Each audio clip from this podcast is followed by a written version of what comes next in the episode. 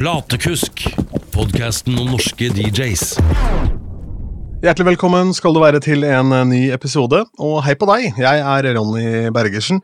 Og siden sist eh, så må jeg først og fremst da bare takke for alle som har tatt seg tid til å gi meg feedback på episoden med Trym Nevestad. Mange som ikke jeg visste at eh, har sjekka innom og hørt på denne podkasten, som valgte da å tune inn til poden med Trym. Og det kan jo henge sammen også at dette er en gammel ringrev som mange kjenner til, og som mange kanskje hadde glemt at fantes. Og Hvis du har valgt å hoppe over episoden fordi ikke du kjenner navnet til Trym, så ikke gjør det, for det er masse lærdom i den poden der også. Og Det kan godt være du ikke kjenner navnet til denne jenta som jeg skal prate med i dag heller, men bli for guds skyld eh, sittende. Hun eh, er forholdsvis ung, hun har innvandrerbakgrunn, og hun er jente. Og denne komboen her gjør henne temmelig unik, ikke bare i Norge, men kanskje i Europa, vil jeg si. Det er ikke så veldig mange innvandrerjenter som er DJs, og det er ikke så mange som da står med skaut og spiller med stolthet heller, men det gjør Isra. Og Grunnen til at denne samtalen her kom i stand, var at Ole H.C., som var gjest her tidligere i en episode, han eh, tipsa meg om at det kanskje Isra var en spennende person å ta en prat med, og det hadde han jo selvfølgelig helt rett i. Så sånn kom denne episoden i stand.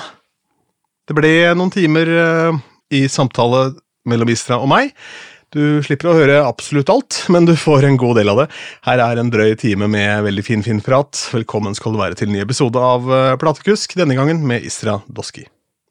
Halla, velkommen til Platekusk, Isra. Hallo! Hei, takk for at du vil ha meg her. vi prata litt om det før vi begynte, og du har akkurat overlevd et skoleball. Ditt aller første i livet. Gratulerer. Takk. Tusen takk. det, er, eh, det var lettere før, da på en måte man kunne spille sanger kids aldri hadde hørt. Nå er det de som på en måte foreslo alle sangene til deg. Den gangen da så måtte de bruke 50 kroner og kjøpe den CD-singeren, og det tok de seg ikke råd til, så det var du som kunne presentere musikken. Nå så er jo alt tilgjengelig for alle. Ja, det er akkurat det. Uh, som jeg også nevnte tidligere, tror jeg brukte opptil tre timer uh, på å kjøpe låter uh, som kidsa hadde skrevet ned.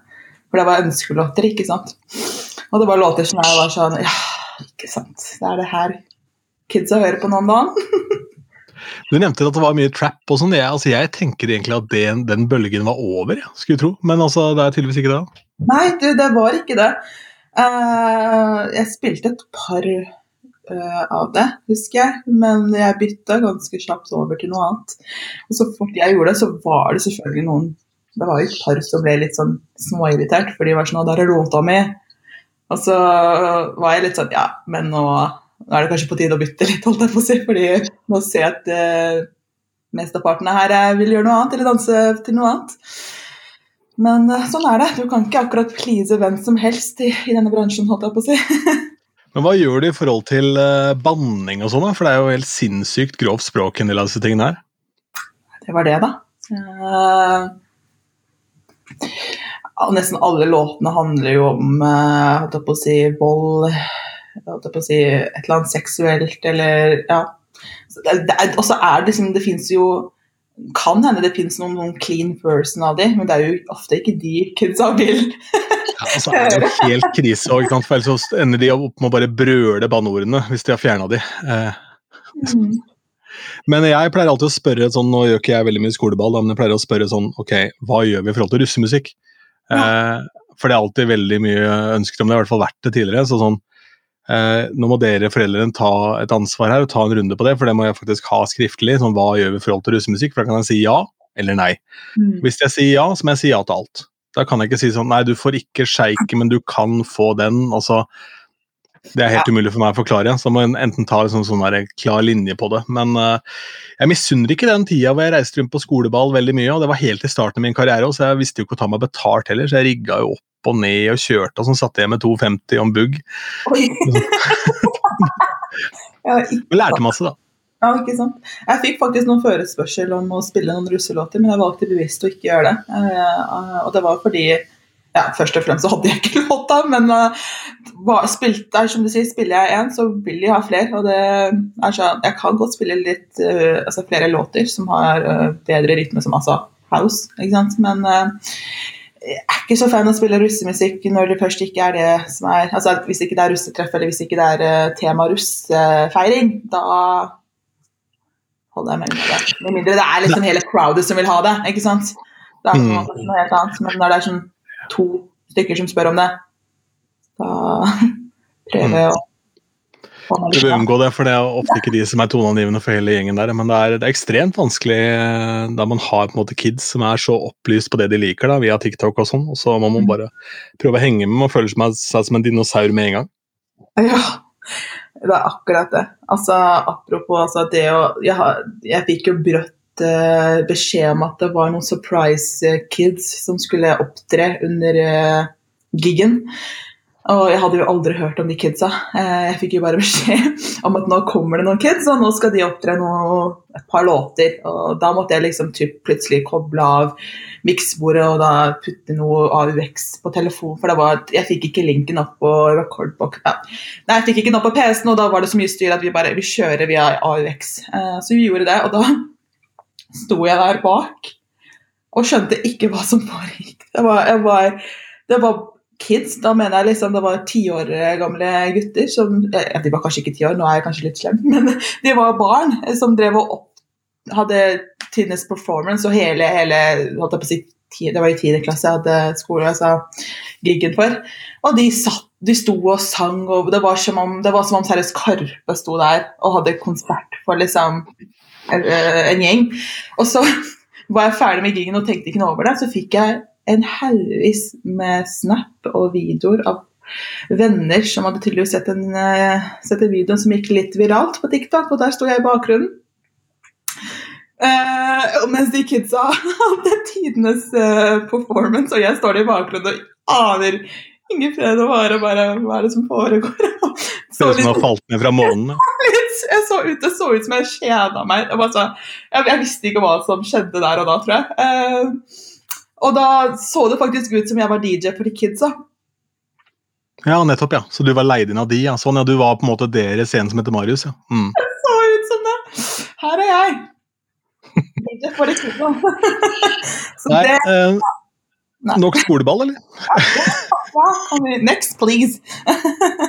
Men uh, jeg tenker det er fornuftig å prate om det, for det er jo vanvittig mye skoleballgigs, så jeg tenker det er også mange som sikkert står nå og gjør de gigsa som hater som pesten, så det fins jo andre jobber å ta uh, der ute. Så, uh, og det kommer heldigvis en underskog av up and coming DJs som kanskje kan, kan ta de jobbene på sikt, og som har litt mer glede av det enn oss. da. Men noen ganger så havner vi oppi det likevel. Mm. Um, hvordan begynte dette for deg, da? Hva var det som gjorde at du begynte å DJ-e? Um, ja, det er vel eh, en lang historie, men du får kutte Det er god tid, det er det som er bra med podkast. Bare holde på.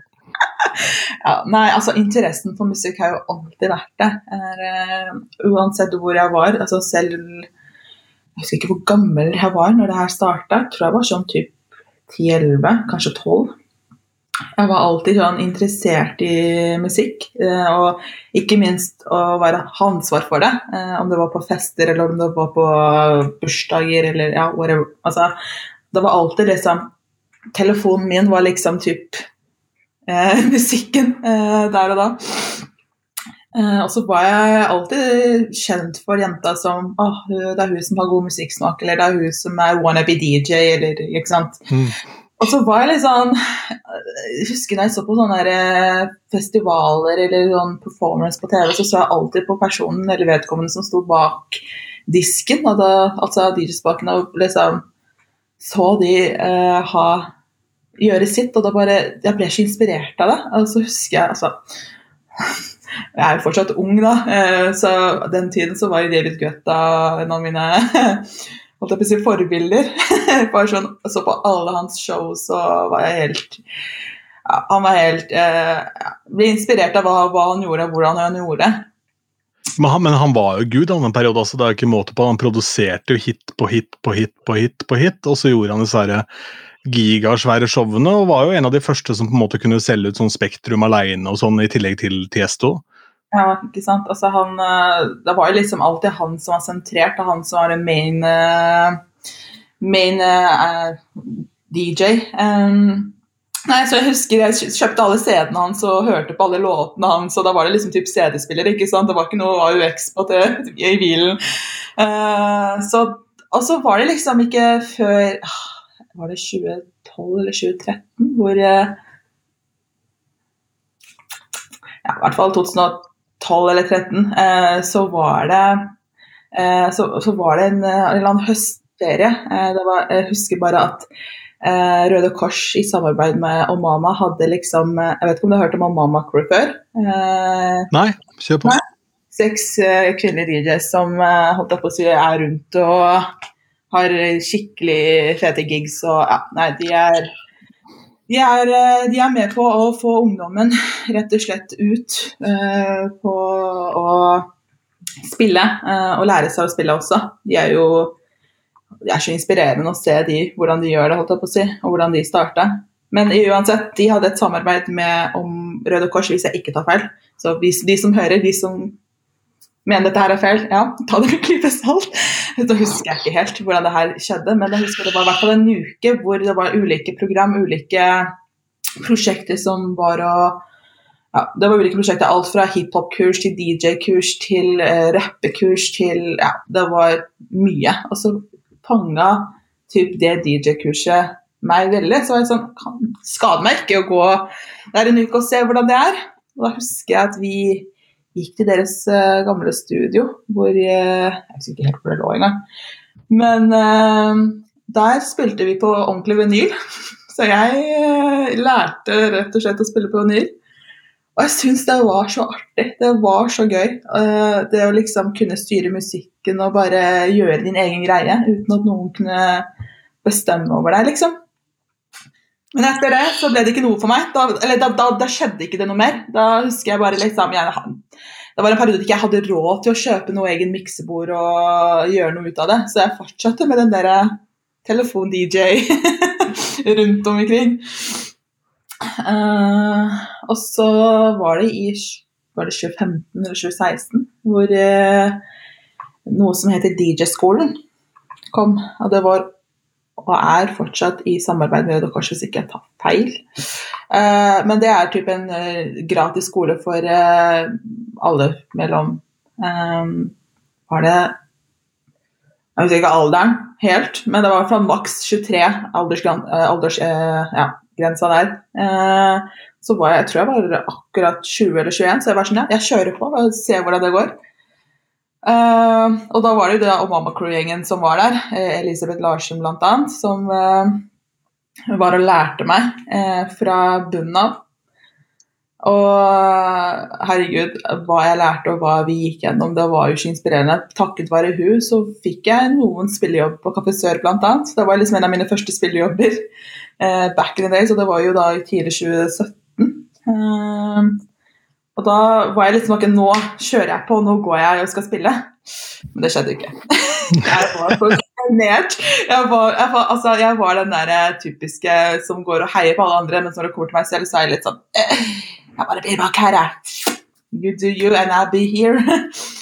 Um, så jeg gjorde ikke så veldig mye av meg. Uh, turte rett og slett ikke, for jeg følte ikke jeg var god nok. Jeg følte ikke jeg var liksom Altså, jeg, jeg lærte jo insane masse fra de, eh, fra de, fra de damene der, eh, og gjorde veldig mye gøy ved de. Men jeg følte liksom rett og slett ikke Jeg var ikke klar på å komme meg ut. Jeg kjøpte meg en miksbord. Det var en sånn derre SP ja, det var en sånn liten miksbord for sånn 2000 kroner, eh, som man kobla opp til Serato, holdt jeg på å si. Jeg husker ikke helt. Pionervariant av SP et eller annet, ja. Mm. Ja. Helt riktig. Er, det en ting jeg ikke er så flink på, så er det det å huske navn og Spiller ingen rolle. ja, Håper jeg ikke det gjør. Men uh, da kjøpte jeg meg en sånn en og spilte på det en god stund. Og prøvde liksom, og hadde med, det, hadde med meg den rundt når jeg, skulle, når jeg ble tilbudt spillejobb. Men da ble jeg ikke tilbudt så mye Da fikk ikke jeg så mange gigs, men det var jo rett og slett fordi jeg ikke gjorde noe av meg. Jeg var jo stille. Jeg var, jeg var liksom DJ, men jeg gjorde ikke mye av meg, rett og slett. Um, og så var det ikke før uh, oh, gud, jeg ikke år siden, var det 2018? Nei, det må være, det var fortsatt 2017. Ja, det var 2017 fortsatt. Da eh, møtte jeg Ole for første gang. Ole Ose, som du har tidligere hatt uh, podkast med. Eh, Ja, det var han som pitcha meg om deg, og det var veldig pussig, fordi han sendte jo da og, og anbefalte meg å ta en prat med deg, og så sa jeg men det har jeg tenkt å gjøre, men la meg ta en prat med deg også. Da ble jo han helt satt ut. Eh, men ja, nei, for han er jo Han er jo et gjennomsyra godt menneske. Det er sånn det, han kommer sikkert til å få tårer i øynene når jeg sier dette, her, men øh, jeg tror ikke det er veldig mye vondt å si om Ole. Altså. Han øh, fremstår bare drithyggelig, hele fyren. da han er uh, desidert en av de mest jordnære Altså hjertet av gull, rett og slett. Eh, hva han der har gjort for meg eh, gjennom de åra, det kan ikke altså, Jeg har holdt på å si, evig tid til å takke han for det. Um, nei, vi ble jo kjent og snakka litt om oss selv. eh, og så introduserte jeg med at jeg, jeg driver litt med musikk, og da var jo han sånn Å ja, du gjør det? Og da visste ikke jeg noe om han eller Jesus Love Electro som han driver og gjorde med de to andre, holdt jeg på å si. Så jeg husker han viste meg Instagram-konto, og da trodde jeg bare snakker jeg med en kjendis nå? Bare, jeg så bare alle de gigsa de hadde, dritfete venues og pyro og ja, you name it. Og så her står jeg, lille meg, og bare Hei, spilte på Kaffe Sør i fjor for sånn fire måneder tilbake, men det var med en gjeng, liksom. Hei, hei. Altså, Ole er en sånn type jeg håper aldri blir stor kjendis, for han kommer seg aldri ut av Gardermoen. Han kommer til å ta selfier med hele flyplassen. Det tror jeg på. altså, fy faen, for en fyr. Eh, men nei, han, eh, etter at vi ble kjent, så ble vi faktisk veldig gode venner. Og han var den som pusha meg til å først og fremst lage en Instagram-konto og bare få meg ut der. Uh, på å si, ta sjanser. Eh,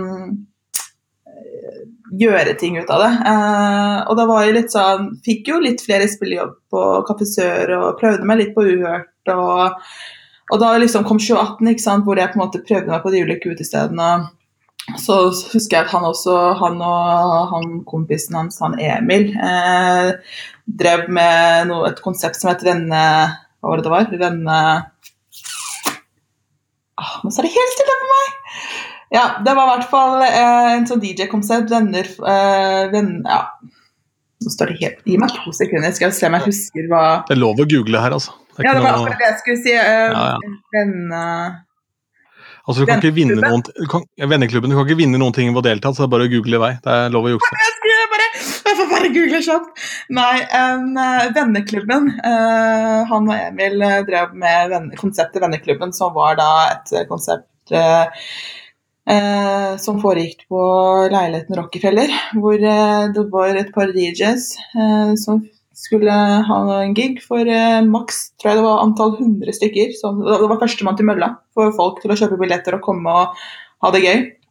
Så tror jeg Det var liksom en av de første kule og morsomme spillejobbene jeg hadde, hvor det var liksom skikkelig dansegulv, og jeg fikk lov til å liksom ha en skikkelig warm-up for den gjengen. Eh, eh, så kom da 2019. Nei, jo, 2019. Da ble det ikke så veldig mye av meg igjen. Ja, det er en altså bare berg-og-dal-bane-historie her i livet, hvor jeg eh, det, blir, det skjer mye et år, og så skjer det ikke så veldig mye et år. Eh, men det, jeg, altså det var fortsatt spillejobber på Kaffe Sør i ny og ne. Ja. og så var det en del private gigs jeg fikk også. Altså fester bryllup, altså, Bryllupet var veldig eh, forsiktig med å ta, men som forlovelsesfester og eh, andre typer fester eh, ble booka inn privat, liksom. Eh, da tok jeg med den lille, lille kontrolleren min av PC-en min og rigga opp og gjorde mitt, holdt jeg på å si.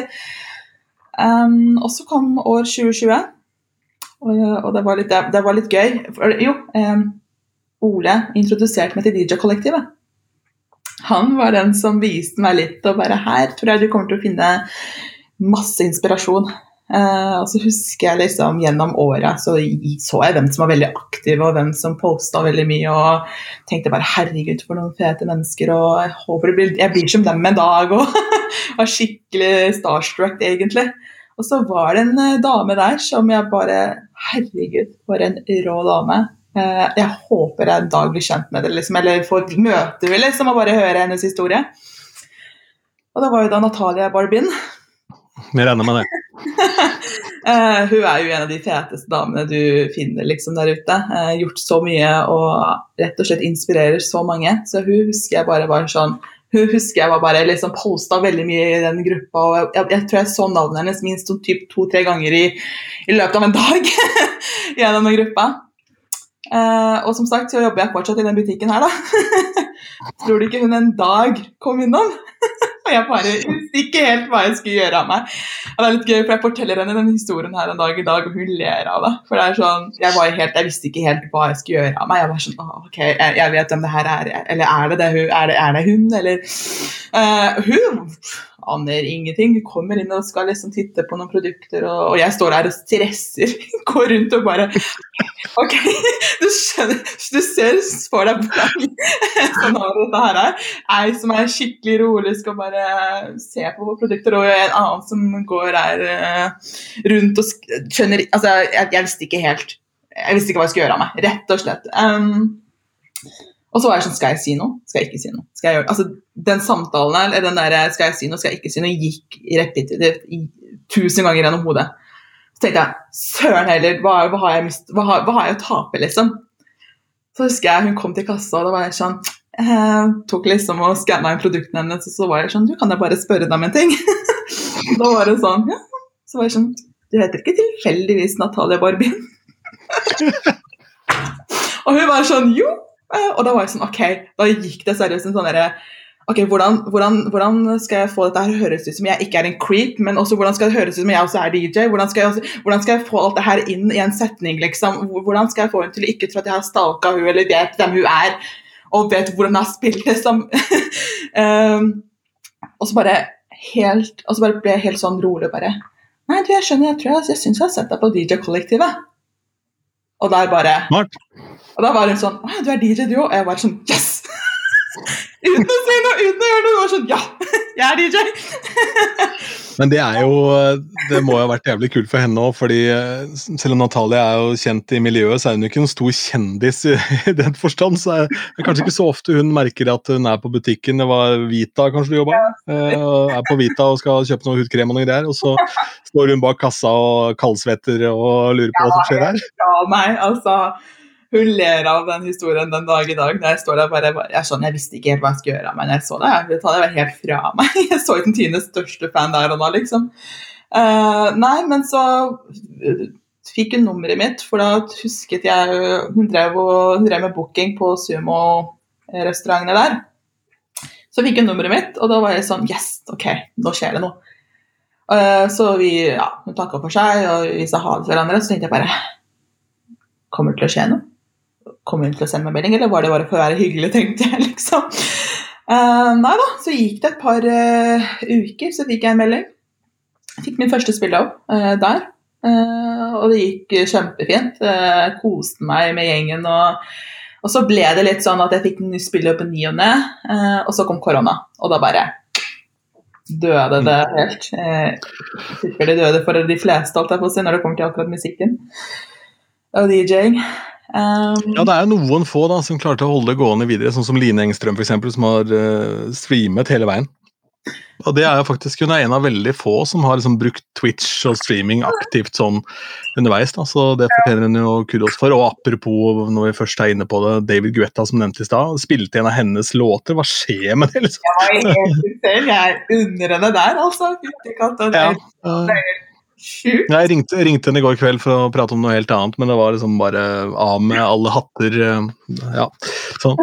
Men eh, det er jo veldig gøy, da. Og vi må vel også snakke litt om det, da. fordi eh, For det første så er du jente, og det er helt åpenbart at du har funnet da på en måte en vei hvor jenter hjelper jenter. da.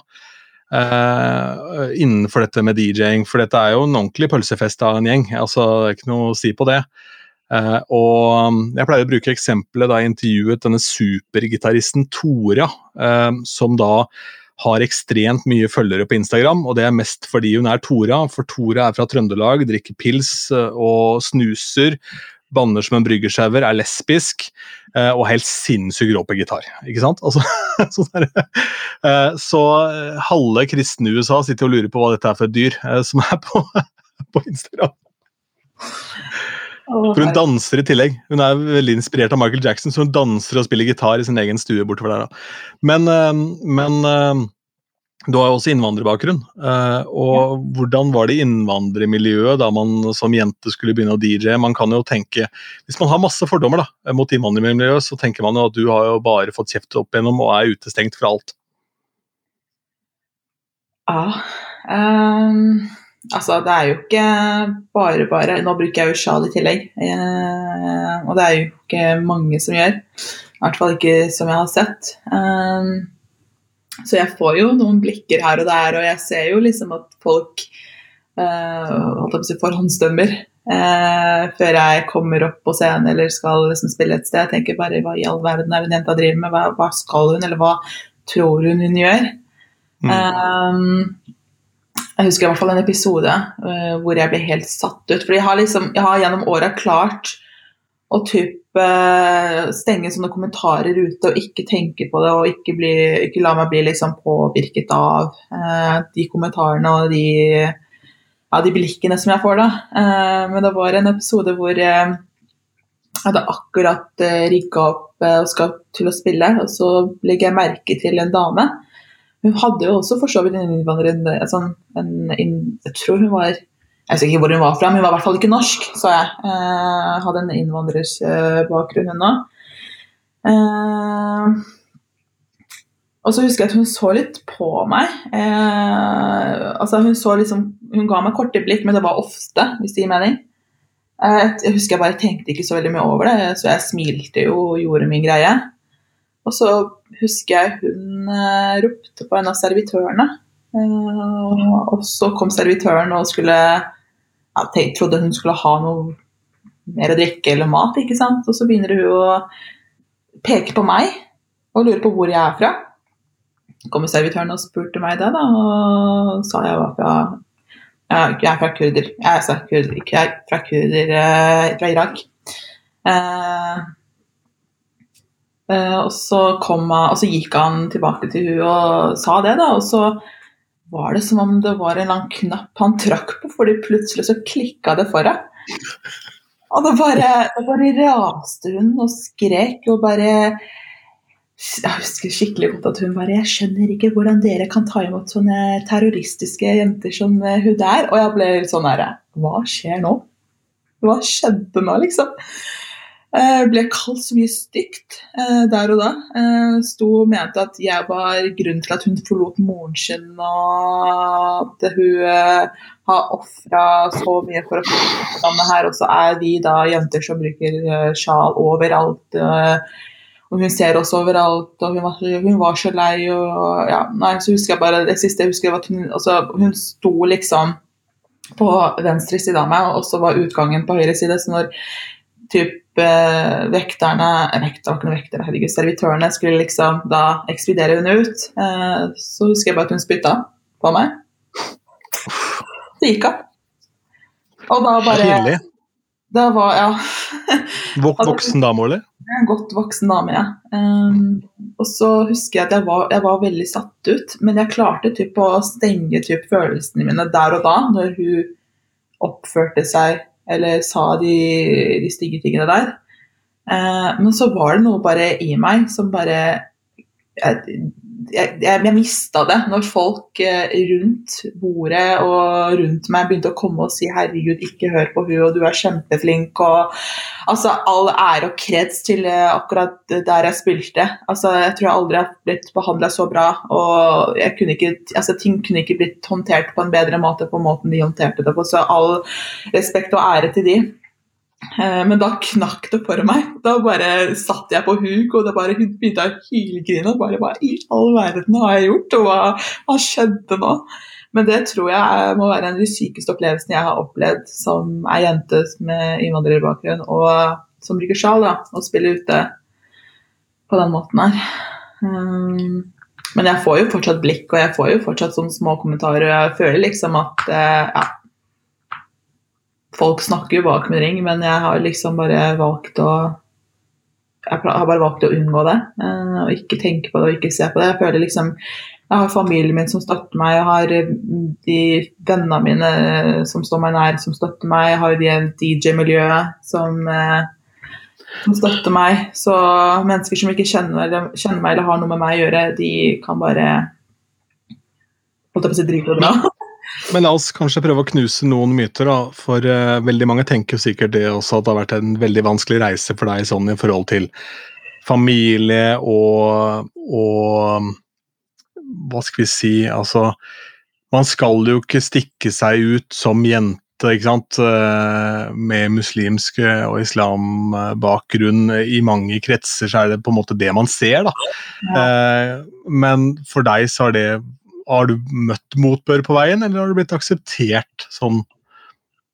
Altså Som sagt så har jeg holdt på å si mine foreldres blessing. De vet, ha, de vet hva jeg driver med, og de har også på en måte vi har jo snakket om dette her hjemme, om at eh, jeg så lenge jeg har et viss kontroll og vis, vet hva jeg driver med og passer på at jeg ikke går over en viss grense, så er det greit, liksom. Um, og jeg skjønner at uh, når jeg, folk ser ei jente med hijab med innvandrerbak, uh, en som har en, en som ikke er norsk, da, uh, eller har norsk bakgrunn Jeg er jo for så vidt født og oppvokst der, men det er jo ikke det folk ser. nei da. Nei da. Det er jo Men det, folk tenker jo automatisk at å herregud, hun der har blitt torturert og gud vet hva har skjedd hjemme, liksom. Det er jo de, forte, det er jo de raske fordømmene uten at de faktisk har valgt å lytte og egentlig ta en prat med meg om hvordan mm. har vært. Jeg har, takk Gud, eh, hatt eh, utrolig fine eh, foreldre som har hatt åpent sinn. Altså, er, ikke alt har gått på skinner. Eh, vi har jo hatt en god del samtaler og diskusjoner hjemme som normalt alle har hatt. Eh, men det er jo, nøkkelen der er jo på en måte å få dem til å skjønne hvor du kommer fra og hva du mener. Og ikke da gå inn med krangel og skrik og mene at uh, Ja. men, det, men det jo, opplevde jo jeg også. I liten grad jeg skal si, så jeg hadde veldig liberale foreldre, sånn sett, men til tross for at da jeg begynte å DJ, så var det den verste narkobølgen i liksom trans-miljøet. Uh, men jeg har jo jobbet med en uh, med en uh, ung gutt da, som, har vært med meg på noen gigs. Uh, og da er det et eller annet jeg plukker opp Martin, som heter det. Jeg plukker opp han, og så er det sånn Bare levere sønnen din her klokka fire i natt. Jeg, sånn, han er 16 år. Uh, og da er det utrolig kult til hans foreldre å helt tatt la han få lov til å være med. og her er vi da i det jeg syns er så magisk med musikk. da. og det kan sammenlignes med sjakk. For du kan spille sjakk hvor som helst i verden, uansett hvilket språk du snakker. Uh, og en sang kan på en måte forandre dagen din, uansett hvilken religion du har, hvilken hudfarge du har, hvilket kjønn du har, uh, eller hvilket kjønn du identifiserer deg som. Uh, og det at man da får aksept for hvilken magi det faktisk er når man klarer å manipulere det rommet og faktisk gjøre Altså gi folk den dagen de fortjener. Da. Ehm, det der ehm, det er vi for dårlige til å snakke om også som DJs. Altså hvor, eh, hvor magisk den følelsen er. Ja, det er litt Altså, musikk har vært en stor greie hos men Min pappa og mamma er jo veldig glad i å høre på musikk. eh, for den stand ikke akkurat engelsk musikk, men typ uh, arabisk, kurdisk, ikke sant? persisk eh, musikk. Uh, det er jo kanskje litt der jeg får det fra, at de har vært så glad i å høre på musikk. Eh, og jeg har jo hørt liksom på musikk gjennom, alle, gjennom, gjennom hele livet, egentlig. I bilen, når vi er hjemme. Du har, liksom, du har pappa som setter på volumet på fullt maks eh, altså, ute på stua mens vi er på kjøkkenet og gjør vårt, liksom. um, men så er det liksom det for eksempel, for meg så er det det å ha balansen i livet. Det å kunne praktisere min religion på en side, uh, og da drive med noe jeg liker, eh, og som hobby, da, på en annen side. Og det er der liksom, jeg tror folk er så fort på å dømme. Eh, at det er sånn Å ja, nei, hun, hun gjør ikke ditt, hun gjør ikke datt, hun driver bare med musikk, eller hun Ja. Kort sagt så er det for meg og det å finne balansen. Eh, og finne ut ok, hva er det jeg liker å gjøre, hva er det jeg liker å nå ut for folk. Og det er som du sier, noen ganger så har musikk noe sånn magisk følelse i, i, seg. Og jeg er sånn som kan Det kan være en helt average låt, som, en helt sånn vanlig, klassisk låt som spiller. Så er det et eller annet som skjer i låta, enten det er plutselig at bassen endrer seg, eller om det er melodien, eller om det er vokalisten ikke sant, som endrer seg, eller plutselig så er det en dropp i en låt ikke sant, som ikke du så for deg komme, og det bare gjør noe med deg, det gjør noe med følelsene dine, det gjør noe med stemninga i rommet. Det er så ofte jeg møter venner eh, som da, av de som vet, de vet da, at hver gang jeg møter de og jeg har en så fet låt jeg må vise dere, så er det sånn Ja, hva er det nå, da? nå må du bare Nå kommer det, nå kommer det! nå kommer det, så står du bare og ser at jeg lever livet, og du bare står og gir meg det blikket. Ja, ikke sant. Ja, men hører du den tonefallen der? Hørte du den melodien der? Ja, nei, det ja, Jeg føler meg litt nerd når jeg snakker sånn om musikk, men det er, det er kanskje derfor jeg uh, driver med det. da. Det er liksom følelsen uh, det gir meg. Uh, hva, å bare Altså, hver låt har en slags spesialfølelse, eller en slags spesialplass i livet eller hjertet, hvis jeg kan si det på den måten. Jeg spiller jo open format, uh, party, uh, ja, partydisko kaller det, men, men, jeg er veldig opptatt av at det skal mikses og skal gjøres på en måte da Det skal være sømløst og det skal liksom låte kult, da. Mm. Eh, og det skal liksom helst flyte skikkelig i hverandre. og da pleier jeg å ha sånn én innøvd variant som jeg gjør før hver helg, som er en sånn overgang som folk på en måte ikke helt ser for seg at skal kunne skje. da. Så for eksempel, Den første jeg gjorde, var 'Turn Down for What' in Toto Africa. Um, fordi det er samme key uh, og nesten samme tempo, og den har kraftig nok hook, da, Toto, til at det går. Uh, så nå har jeg da liksom dykka ned i alle disse partylåtene for å finne låter som har så liksom, catchy hooks at jeg på en måte kan spille det ut av tøffere EDM-ting og sånn. Og er, altså Jeg koser meg så fælt med det. altså Jeg satt her fram og tilbake til Dal fra der jeg bor, det er 25 minutter å kjøre, og hele veien så hørte jeg på You Can Call Me Al. Ja, ikke sant? For det er som et eller annet Ok, jeg kan ikke gå ut før den der sinnssyke basslinja, men eh, det blir for lenge. altså Alle, alle sånne ting du må tenke på. Uh, og den tilnærminga til musikk den hadde jeg faktisk ikke før pandemien, fordi ja, jeg spilte mine faste låter, og jeg miksa det på samme måte, og jeg gjorde Jeg hadde ofte et sånt mønster som jeg ikke sånn som veldig mange andre har.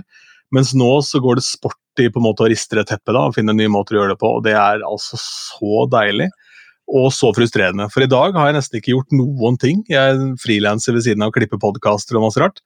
Men i dag så har jeg spilt inn fire timer mixtapes, da.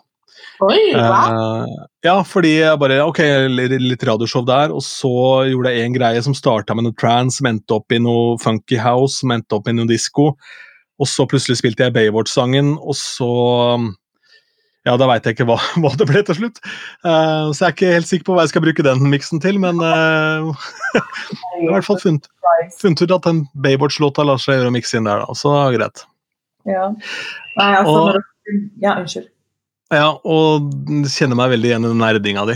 Og um, nå nå har jeg heldigvis fått den dialogen som jeg har med Vikram, fordi jeg kan sende ting til han. sånn der, ja, 'Husker du den her?' Og hvis jeg er heldig og treffer en låt han har glemt at uh, han digga den gangen da, så er det i gang. Da får vi aldri lagt oss. Ikke sant. Herregud. Det er utrolig gøy. Mm. Uh, nei, altså under pandemien for Før pandemien så spilte jeg veldig mye via PC-en. Da var det der lille miksbordet mitt. Uh, men så skjønte jeg altså under pandemien jeg kan ikke gjøre dette her. Jeg kan ikke fortsette dette her. Jeg får jo ikke noe ordentlig spillejobb hvis jeg bare fortsetter å spille med den lille miksebordet mitt og PC-en. Jeg kan ikke ta det her med meg overalt.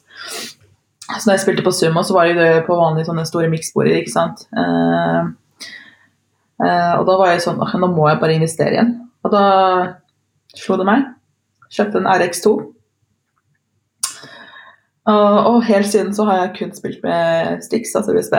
Og det har vært en life-changing, for nå har jeg liksom følt, følt, at nå kommer mulighetene. Nå kan jeg liksom spille egentlig hvor som helst, så lenge jeg har de Stixa med meg. Um, uh, og tilbake til Natalie, da, som har vært så utrolig støttende gjennom pandemien. Hun har jo vært Altså, hun er jo tross alt en av mine nærmeste venninner den dag i dag. Uh, og det er helt utrolig å tenke på hvordan det var fra start til nå. Men hun har jo også hjulpet meg en god del med spillejobber, bl.a.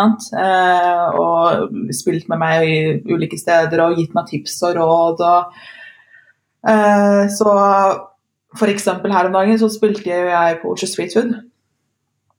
Og Ja, det var- så jeg. Kult.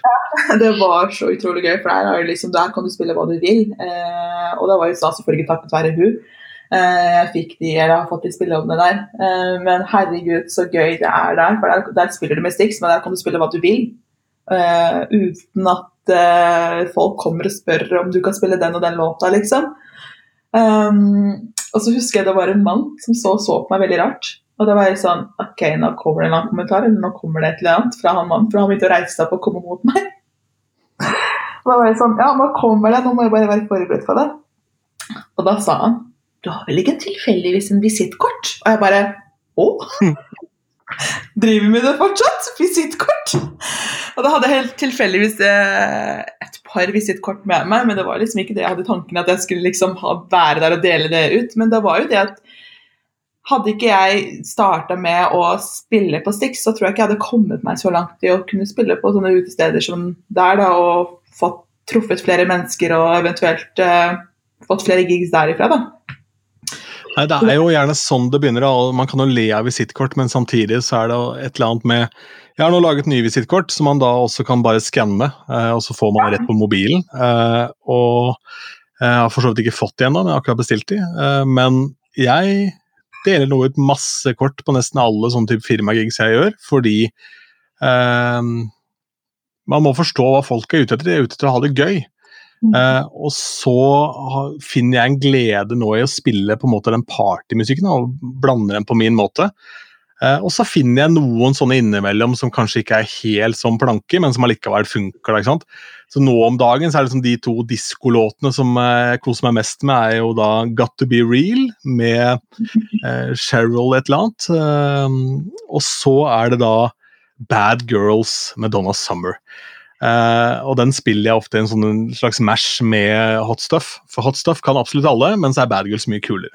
Så, så du får litt hot stuff først, og aksepterer bad girls etterpå. Og da er vi liksom eh, 120 BPM tempo, så kan du liksom mikse inn hva som helst etter det.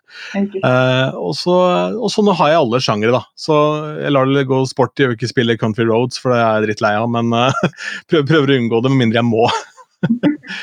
Eh, men eh, og da kommer alltid noen opp og syns at dette her var dritgøy, liksom. Så gjør du private gigs. Ja ja, for all del, slå på tråden og se om det passer og sånn. Nå har jeg masse bryllup sånn som bare flyter rundt i periferien, stakkars fra 2020 enda, men jeg veit ikke helt hvor de havner. Men, eh, men uh, Ehm, det er jo litt artig altså Natalie har faktisk uh, takka ja til denne poden, har aldri funnet tid. Uh, så får du hjelpe meg med å purre på henne, så vi får satt denne datoen. Fordi hennes historie er også veldig kul, og hun opplever jo da, om ikke like intenst, så også masse fordommer. ikke sant? Fordi hun, hun ser bra ut, hun ser kul ut. Hun ser ut som Hun er skummel å snakke med fordi hun har attityd. ikke sant?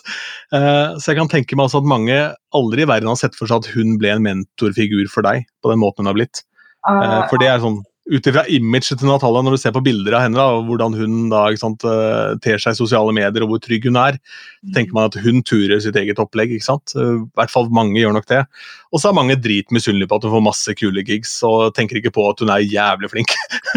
altså, hvordan hun da med deg spiller. Fy fader, jeg unner deg alt godt, liksom. Uh, og ja, som du sier, da. Det har litt der at folk har fordommer før eh, før man faktisk blir kjent med vedkommende.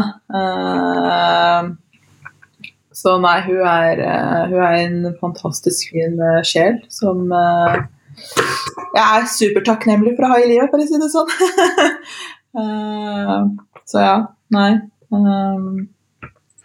Men hvor finner du ny musikk da? Altså, hvordan Eller hva er, hva er det du spiller? da? Hva er det du aller helst spiller? Er det house? akkurat det, da. Det er det spørsmålet jeg får sånn konstant. Du, hva slags musikk er det du pleier å spille? Det er litt sånn alt som faller meg der og da. Jeg, ser, jeg leser folk, jeg leser eh, publikum, og ser hva som, eh, hva som faller mest i smak, og så bare gjør jeg min egen greie. Så jeg, jeg kan, jeg kan altså, På en kveld så kan jeg spille alt fra R&B, pop til house, EDM, liksom. Det kommer helt an på konseptet og hvordan folk tar det. Eh, jeg har liksom dessverre ikke et sånt fasitsvar. Jeg kan liksom kun spille house. Jeg spiller typ bare lunch, deep house eh, når jeg spiller på sumo, for der er det litt mer at du skal være litt behagelig når du spiser og du skal fortsatt kose deg med musikken, liksom, men så skal ikke ha en skikkelig hardcore EDM i bakgrunnen når du først spiller der. Um, mens på Streetfoot så er det liksom alt fra R&B, uh, edits til og med altså poplåter som var veldig populære i 2000-tallet. ikke sant? Det er jo ofte de hitsa som fortsatt går enda dag i dag. Um, det er 20 år siden 2002. Åh, ikke si det, da. Nelly med Hot in Hair. Avril Lavigne, Complicated. Det er helt sjukt. Og det er, det er sånn Apropos sånne gamle låter. Altså, jeg vet at vi skulle liksom legge skoleballet bak oss, men det var, litt, det var noe morsomt, var noe morsomt uh, som oppsto der. Uh, fordi før spillejobben så spurte jeg hun uh, som sagt, hun som booka meg, om hva slags låter de ville ha. Og så var det litt sånn De ville ha låter som var sånn back in the days. Og da var jeg litt sånn Å ja, back in the days. Da, sånn, typ, da tenkte jeg i hodet mitt sånn 90, tidlig 2000-tallet. Nei, 2011-2015, da! Bare fordi, og jeg var sånn mm, Jeg har blitt gammel! 2015, ja. Det, throwbacks, throwbacks. Ja, det, det, er deres throwbacks. Så der måtte jeg le litt, da. Uh, fordi For oss er sånn throwbacks 2005-2004 mye mer tidligere enn det, liksom. Og så for de så er det sånn Ja, Nikki Minaj og ja. Tyre Cruise, liksom. Ja. Men jeg, jeg, fant en låt her om dagen som jeg ikke har spilt på veldig veldig lenge. og Det var Sugar Babes med Round Round. Den kommer også rundt 2002-2003. Uh, eh, og den tror jeg lå sånn kanskje 30 uker på topp 5 på radiolista i Norge. Så den er liksom en låt som den målgruppa kan. Så den gleder jeg meg skikkelig til å prøve sånn for alvor ute.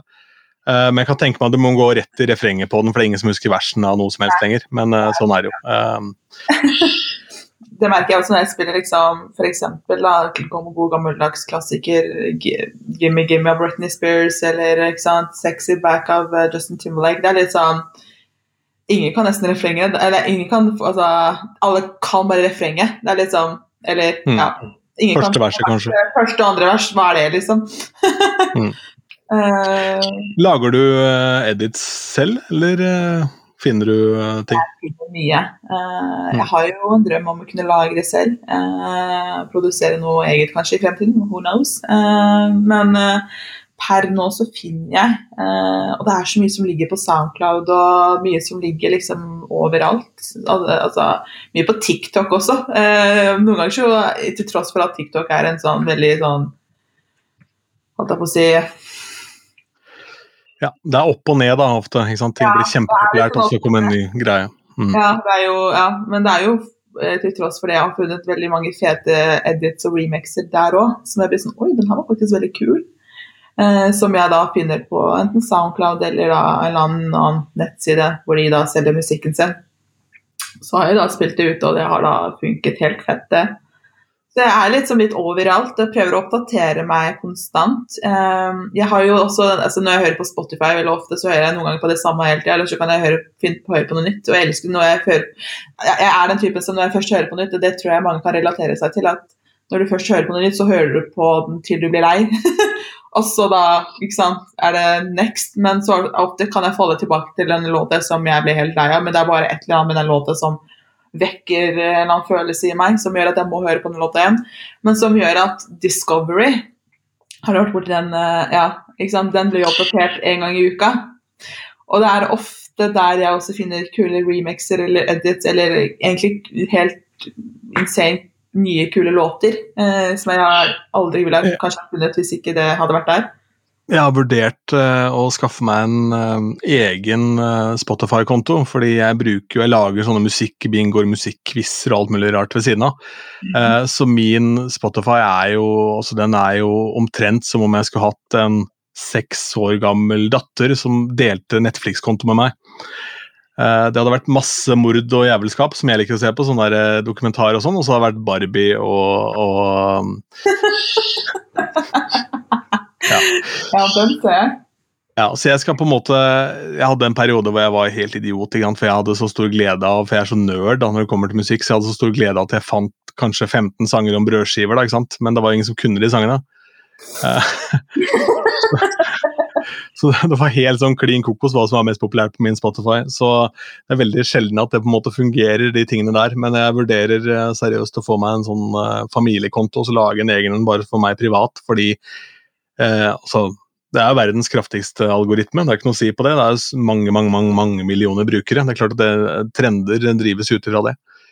Eh, men i forhold til edits, da, så har jeg lyst til å nevne en ting. For Eh, det du setter deg ned med en, en DAV, da, altså en Ableton eller Adobe Audition eller hva det er, så virker det jo veldig sånn tungvint å skulle begynne å lage edits. Men Mixed in Key har et program som heter The Mashup. Uh, som jeg har brukt, prøvd å lage mashuper der. Det er jeg ikke så veldig god på. Jeg har ikke tålmodigheten til det. Og så har jeg ikke helt verdien av det i DJ-settet min heller. Men det jeg har gjort, er at jeg har laga short edits. Jeg har tatt refrenget sånn, hvor refrenget kommer først eller hooket først og den type ting. Og det, så lenge låta er quantized, at den på en måte er 4-4, eh, så er det veldig enkelt å få til det programmet. Unnskyld. Se der.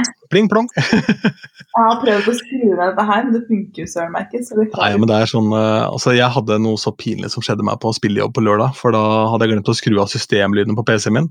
Så, eller altså lyden fra browseren min. da. Og så laster jeg ned en låt som jeg skal spille der og da. Og det er fra eh, Hva heter det? Hyperedit, eller hva det heter for noe? Altså det der, Ja, i hvert fall. Eh, hvor man kan dele musikk. Mm. Og mens man laster ned, så begynner de å spille musikk som ligner på det jeg laster ned. Uh, og det går da liksom, direkte bypass via USB-en rett ut i lydkortet på main PA-en, liksom. Og jeg får sånn derre helt panikk. Fordi dette er da Jeg er på sett i Drammen og jeg spiller en sånn champagnebar-greie. og Gjør en sånn disco house-pakke der, liksom. Mm. Eh, Blanda med gamle, gode diskolåter.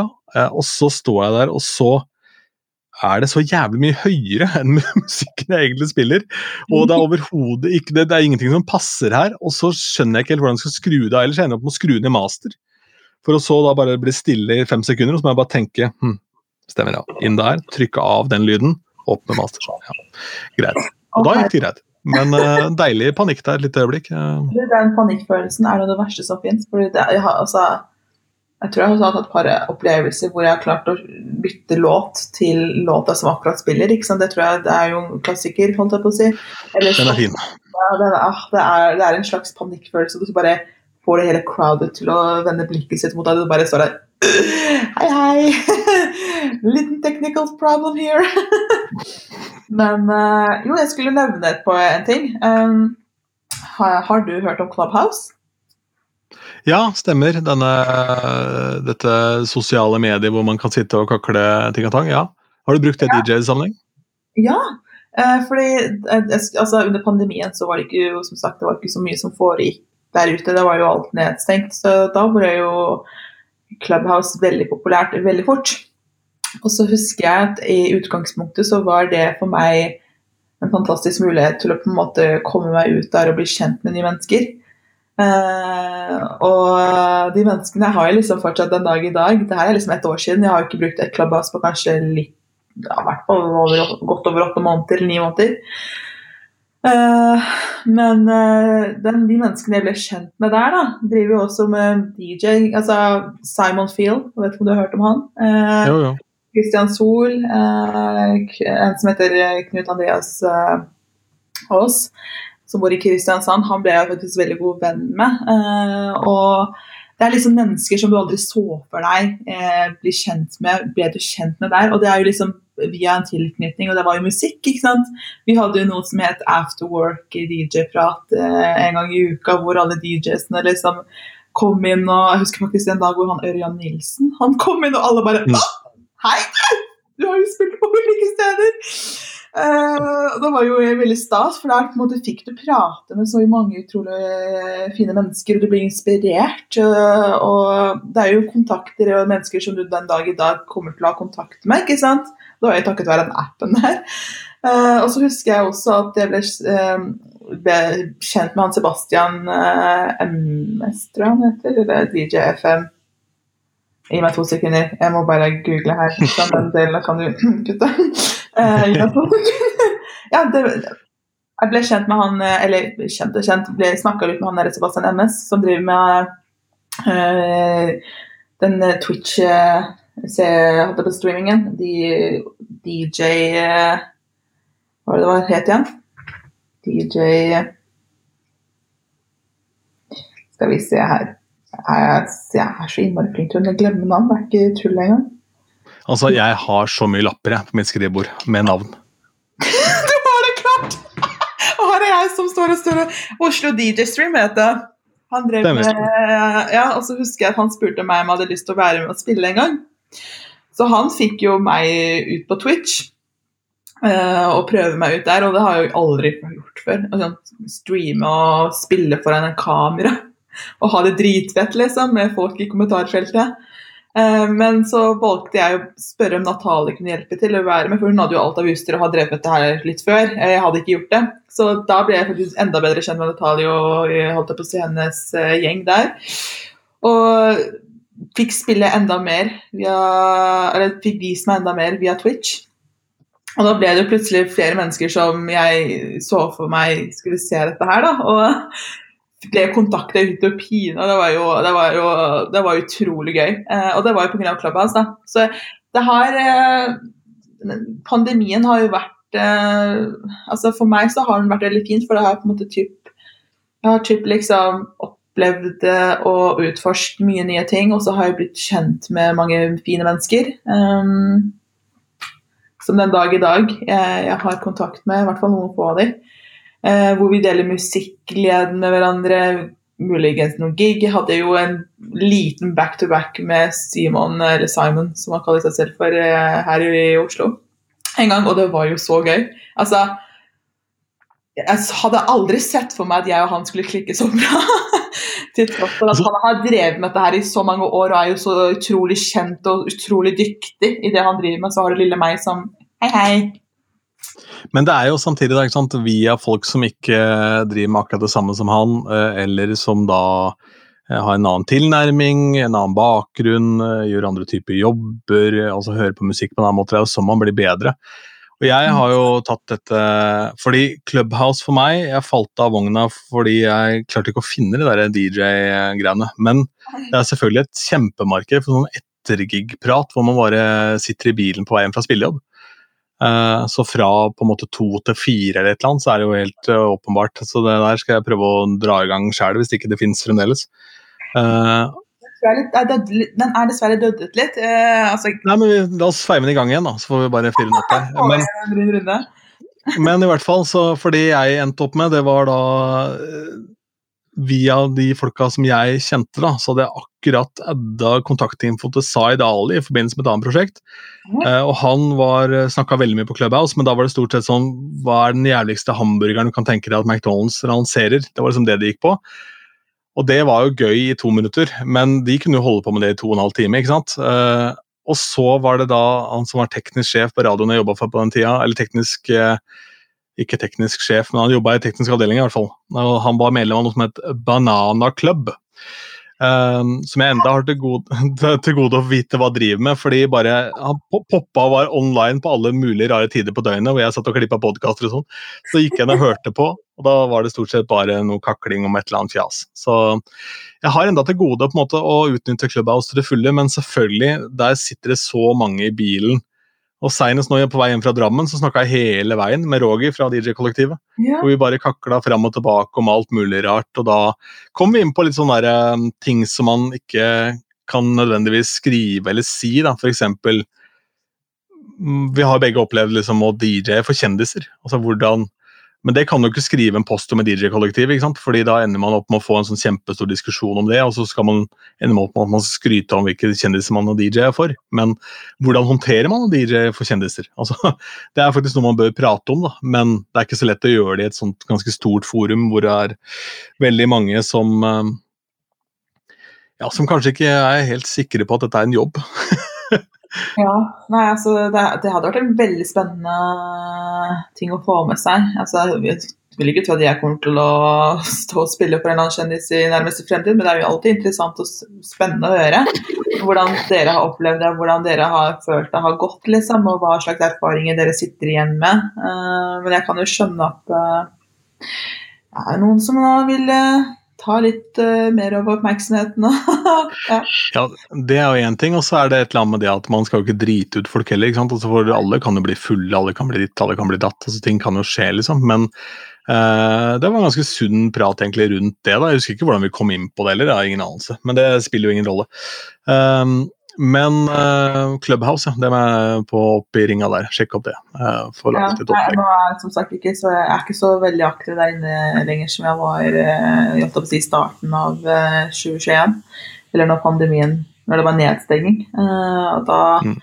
da, ble jeg kjent med så utrolig mange fine mennesker, og som sagt så har jeg fortsatt kontakt med de, og det er litt sånn gøy, fordi hadde ikke det vært for Clubhouse, så hadde jeg aldri Nå mener jeg aldri uh, hatt muligheten til å bli kjent med de menneskene noen sted. Fordi uh, noen driver med noe helt annet enn det du egentlig vanligvis driver med i altså, daglig basis. Så ja, jeg tok det jo enda et steg videre, for jeg begynte jo å, å prate med amerikanerne. Eh, fordi, ja, for de var i samme situasjon. og eneste var at Det var en helt merkelig tidsforskjell, da, selvfølgelig, men jeg var jo døgnhvila likevel, for jeg jobba bare på natta og sov halve dagen. Uh, for jeg, Da hadde jeg radiosending fra to, uh, og så var det jo så strenge koronaregler i studio at jeg hadde liksom jeg var hjemme alene, eller så var jeg på butikken etter ti om kvelden, i bilen eller i studio fra to til fem. Uh, og det aksepterte jeg for å på en måte kunne slippe å sende hjemmefra, for det tror jeg ikke hadde blitt noe bra i det hele tatt. Og da var det jo masse timer, da, fra fem og utover, og så sov du til klokka var sånn ett, og så gikk du i dusjen, og så dro du til Oslo, liksom. For du hadde jo ikke noe å ja, det var, og jeg hadde en samboer, vi var ikke kjærester, vi bare bodde sammen. Men hun fikk seg en leilighet eh, midt under pandemien, så det var plutselig bare meg å ta hensyn til òg. Så da ble det liksom, alt ble bare snudd på huet. sånn ja, matvaner og alt, men spiste jo nesten ikke mat. Alt var sånn mikrobølgeovn, bare litt her og litt der. og sånn. Jobba med ting, holdt på. Men da kom jeg i kontakt med en hel haug med amerikanere, og de er jo veldig åpne. De er jo ekstremt interessert i å dele kunnskapen sin. Uh, og det var ganske intenst noen ganger, for å sitte på Det er noe som heter hackathons, som er da um, De lager et tema, så skal de bygge en crate ut fra det temaet. Altså bygge en mappe med musikk. da. Og Det temaet kan være skoleball, det kan være bryllup for, uh, uh, som heller mot country, det kan være bryllup som er latino, altså alle de forskjellige tingene her. Og så er det da diverse DJ-er med sin erfaring som er med på dette her. Og så åpner de et panel etterpå hvor du kan stille spørsmål og komme med bidrag. da. Og da husker jeg det var eh, Jeg, jeg spilte inn Euphoria med Loreen. og den hadde du jo aldri hørt, ikke sant? og da gikk det helt rundt i hodet på han ene og bare det her, This is a banger! This is a fucking anthem! Oh, Men der fant jeg altså masse ressurser for å finne da, finne da spennende edits, uh, record pool som ikke hadde vært borti i det hele tatt, som ikke var markedsført i Europa, ikke sant, og alle sånne ting. da, så, så, det har jeg lært helt sinnssykt mye av. så på et eller annet merkelig vis så har pandemien kanskje vært det beste som har skjedd uh, karrieren min. da, sånn sett. Det er altså Nå skal vi knock on wood som helvete her, fordi det kan jo plutselig komme en ny variant i morgen. Så Jeg kan ikke gjøre det, vær så snill. ja. Eh, men dette gikk jo riktig så bra. det. Vi sitter jo bare her og kakler, vi. Eh, før vi tar Hall of Fame på tampen her, så har jeg lyst til å snakke om eh, Så vidt jeg kan skjønne, så har du også vært dommer i denne Ung Norge DJ, altså uoffisielle NM der. Kan det stemme? Ja, du han eh, Knut Andreas eh, som jeg nevnte, da, som jeg ble kjent med via Clubhouse, eh, inviterte meg jo opp dit. Eh, for å være DJ-dommer, da. Hvordan var det? Ja. det, det jeg, jeg satt der og bare Skal jeg være dommer? Hva gjør jeg her, liksom? Jeg skjønte jo først ingenting, men så var jo han Altså, de folka som har vært tidligere dom, dom, dommer der, var jo veldig Altså, De var jo kjempeskjønne. De kom jo forklarte alt og sa ok, det her, du skal kun gå etter hvordan du føler eh, altså, Du skal si din mening og gi poeng etter din mening, ikke sant. Og, og, jeg var jo utrolig nervøs, ikke sant. Og så fikk jeg i tillegg til å ta hensyn til musikken som skulle spilles ut. Så har jo, du har jo telefonen min som er der og spiller musikk, og så har du liksom meg som skal fokusere ja, i alle kanter. Nei, men du, det var eh, det var veldig gøy, men samtidig spennende og veldig interessant. Fordi du fikk liksom Du fikk et inntrykk i hvordan typ eh, folk spiller, og hvordan eh, de skal liksom vise kreativiteten ut, og hva slags låtvalg de bestemmer seg for å spille der og da. Nei, Det var veldig spennende, og så var jeg litt sånn redd, for jeg visste ikke om jeg skårte for høyt eller om jeg skårte for lavt. Jeg, jeg måtte prøvde å tyvekikke litt her og der, bare for å se Gjør jeg dette riktig, liksom? Jeg vil jo ikke på en måte gjøre noe galt her. Men det viste seg etter hvert, når vi diskuterte det høyt, så var jo mye av våre Altså når vi samlet poeng og hele den biten her, så viste det seg jo at uh, vi, var, vi, tenkte ganske likt, alle sammen. Uh, men nei, det var en utrolig fin opplevelse og veldig gøy. Uh, noe jeg aldri trodde ville skje heller. jeg liksom lille meg være DJ-dommer oppi i Var det Arendal det var? Ja, jeg tror det var Arendal. Mm -hmm. nei, så det var veldig gøy. Men det er kult. Ja, det er bare å komme over deg sånn i fart her. Altså, I den forbindelse så svarte du også da Av en eller annen grunn så var du veldig opptatt av favorittmat i den der, uh, artikkelen her. Og da har du svart at du er en hest og elsker all type mat. Ja, jeg visste ikke at den, skulle, den biten der skulle ut som offentlig. Altså, jeg elsker mat. Jeg Altså, altså Skal jeg liksom velge en eller annen favorittrett, og det er umulig for meg å velge da. Og jeg er jo ikke kresen på mat heller, så jeg er liksom Nei, nei, jeg er jo Men altså, hesten spiser jo bare én ting, stort sett. Den spiser jo bare noe. Ikke sant. Den gjør jo vel det. Her har du meg sånn. Men jeg syns det var sånn altså, det, det har... Jeg prøvde å bruke det som en type metafor på at ja, altså, den er stor og spiser mye. og ja, ja, jeg skjønner det. Jeg bare syns det var så pussig ja. at det skal vi henge oss opp i hva folk liker å spise. Det er så bra. Ja, skal vi se. Hva, hva, tenker vi om denne dommeren i DJ-konkurransen? Hva liker du å spise? Ja, du er en kebabperson, ja. Riktig. Nei, men da blir det er litt det. Det er liksom, det skal typ beskrive oss som DJs hva vi liker å spise. Det, det var litt sånn pussig der og da. Nei, men um, en ting jeg kom på i farta mens vi drev og prata uh, Du kan også typ kutte den her og klippe den, bli med i den andre biten der, der hvor vi snakka om det tidligere.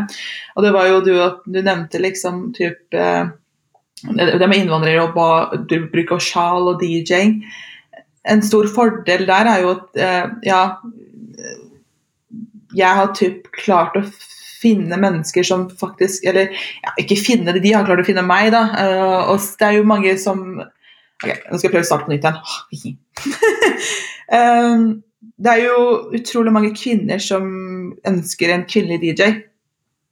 Uh, eh, en som bruker bl.a. hijab, eller en som bare en kvinnelig DJ, og det er det så få av. Det, er, det jeg har merka, det har blitt veldig Altså, jeg har jo, får jo utalligvis mange, mange meldinger på Insta, altså i, på DM, holdt jeg på å si. Eh, selv om det står mailmenn på bioen, av at folk skal sende mail når dere blir gigs, men så er det alltid DM-en som er den raskeste veien for de. Eh, men der finner jeg så utrolig mange som ønsker en kvinnelig DJ for deres forlovelsesfest eller bryllup eller bursdager, fordi de vil helst ha en kvinnelig DJ, for de vil føle seg fri, og de vil føle seg liksom Ja. Eh, trygg, da. Eh, og det er så utrolig gøy, for jeg føler liksom at jeg kan typ nå så mange der. Og det er dessverre ikke så mange som vi snakket om, og det er ikke så mange kvinnelige ridere der ute. Uh, og i hvert fall ikke med en som har innvandrerbakgrunn, som kan kjenne til de utenlandske låtene som sant, er veldig inn og veldig populære. det her har faktisk vært i en diskusjon om nylig, fordi eh, det var en uh, kollega, en god kamerat av meg, som er pakistaner, og sa det at de eh, er veldig liberale. Eh, så hans søstre har gifta seg med norske menn, f.eks. Mm. Eh, og de bryllupene er alltid kjempevanskelig å finne DJs til, fordi de pakistanske DJ-ene de spiller feil norske sanger. For de spiller typ, kanskje det som er mest populært, og det kan være være russelåt eller Tix eller whatever. ikke sant? Men det går ikke over i det hele tatt. Og så er det de norske DJ-ene som da ikke nødvendigvis gidder å gjøre jobben med å sette seg inn i hvilke sanger. Da spiller de bare Punjab MC, da. Det, er, ikke sant? Og da eh, ender man opp med at det blir mye dårlige gigs. Da. Så det er faktisk et ganske stort vakuum der. Eh, og Tenker du mye på det blir et stort spørsmål, men tenker du mye på at du har et eller annet form for ansvar her? I og med at du, er, du er vel strengt tatt kanskje den første, i hvert fall sånn offentlig, som, som da står um, offentlig. Ja, som står, står med sjal og spiller altså offentlig på offentlige steder, og ikke bare private gigs, da, som står på Oslo Street Food. da.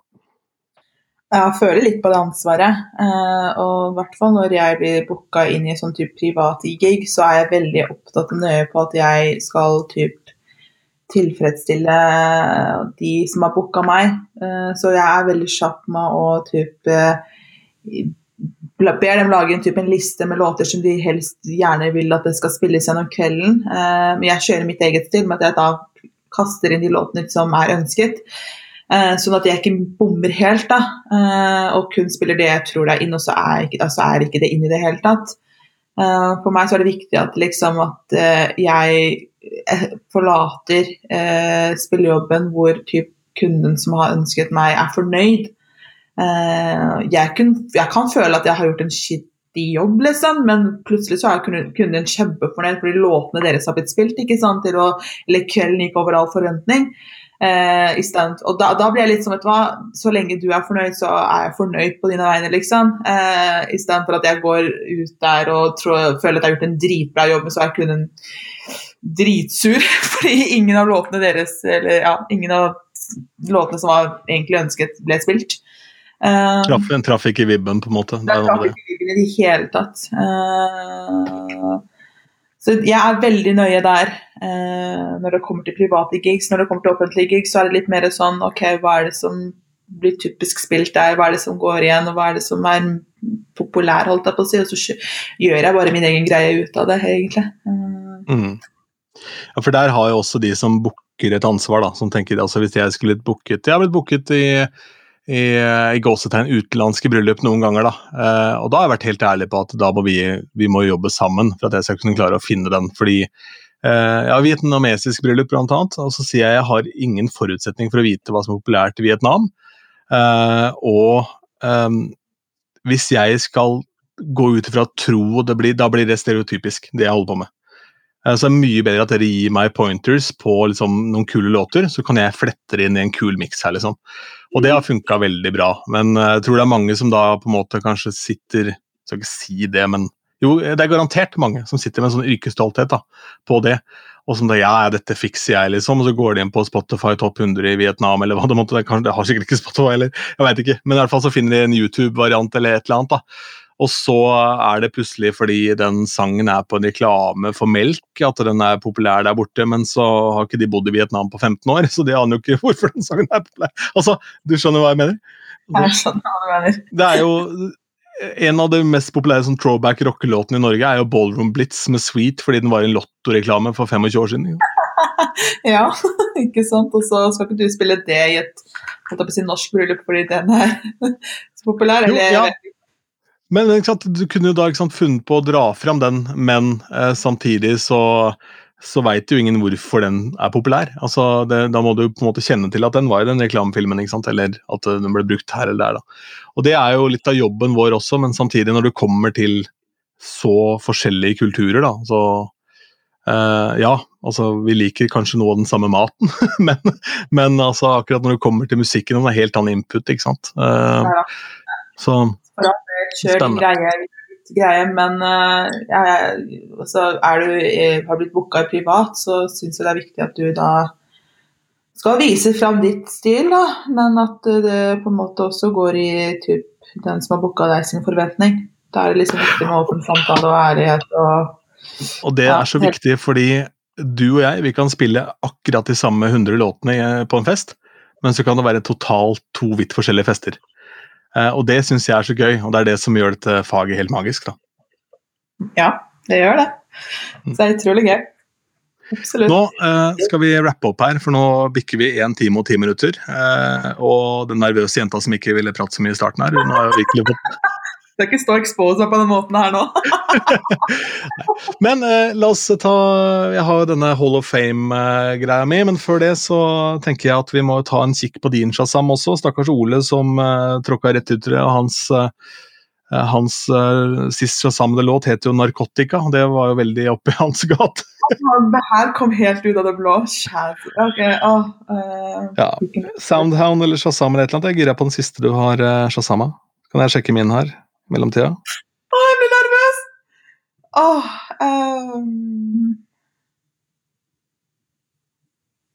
vi se, da. Det må jo være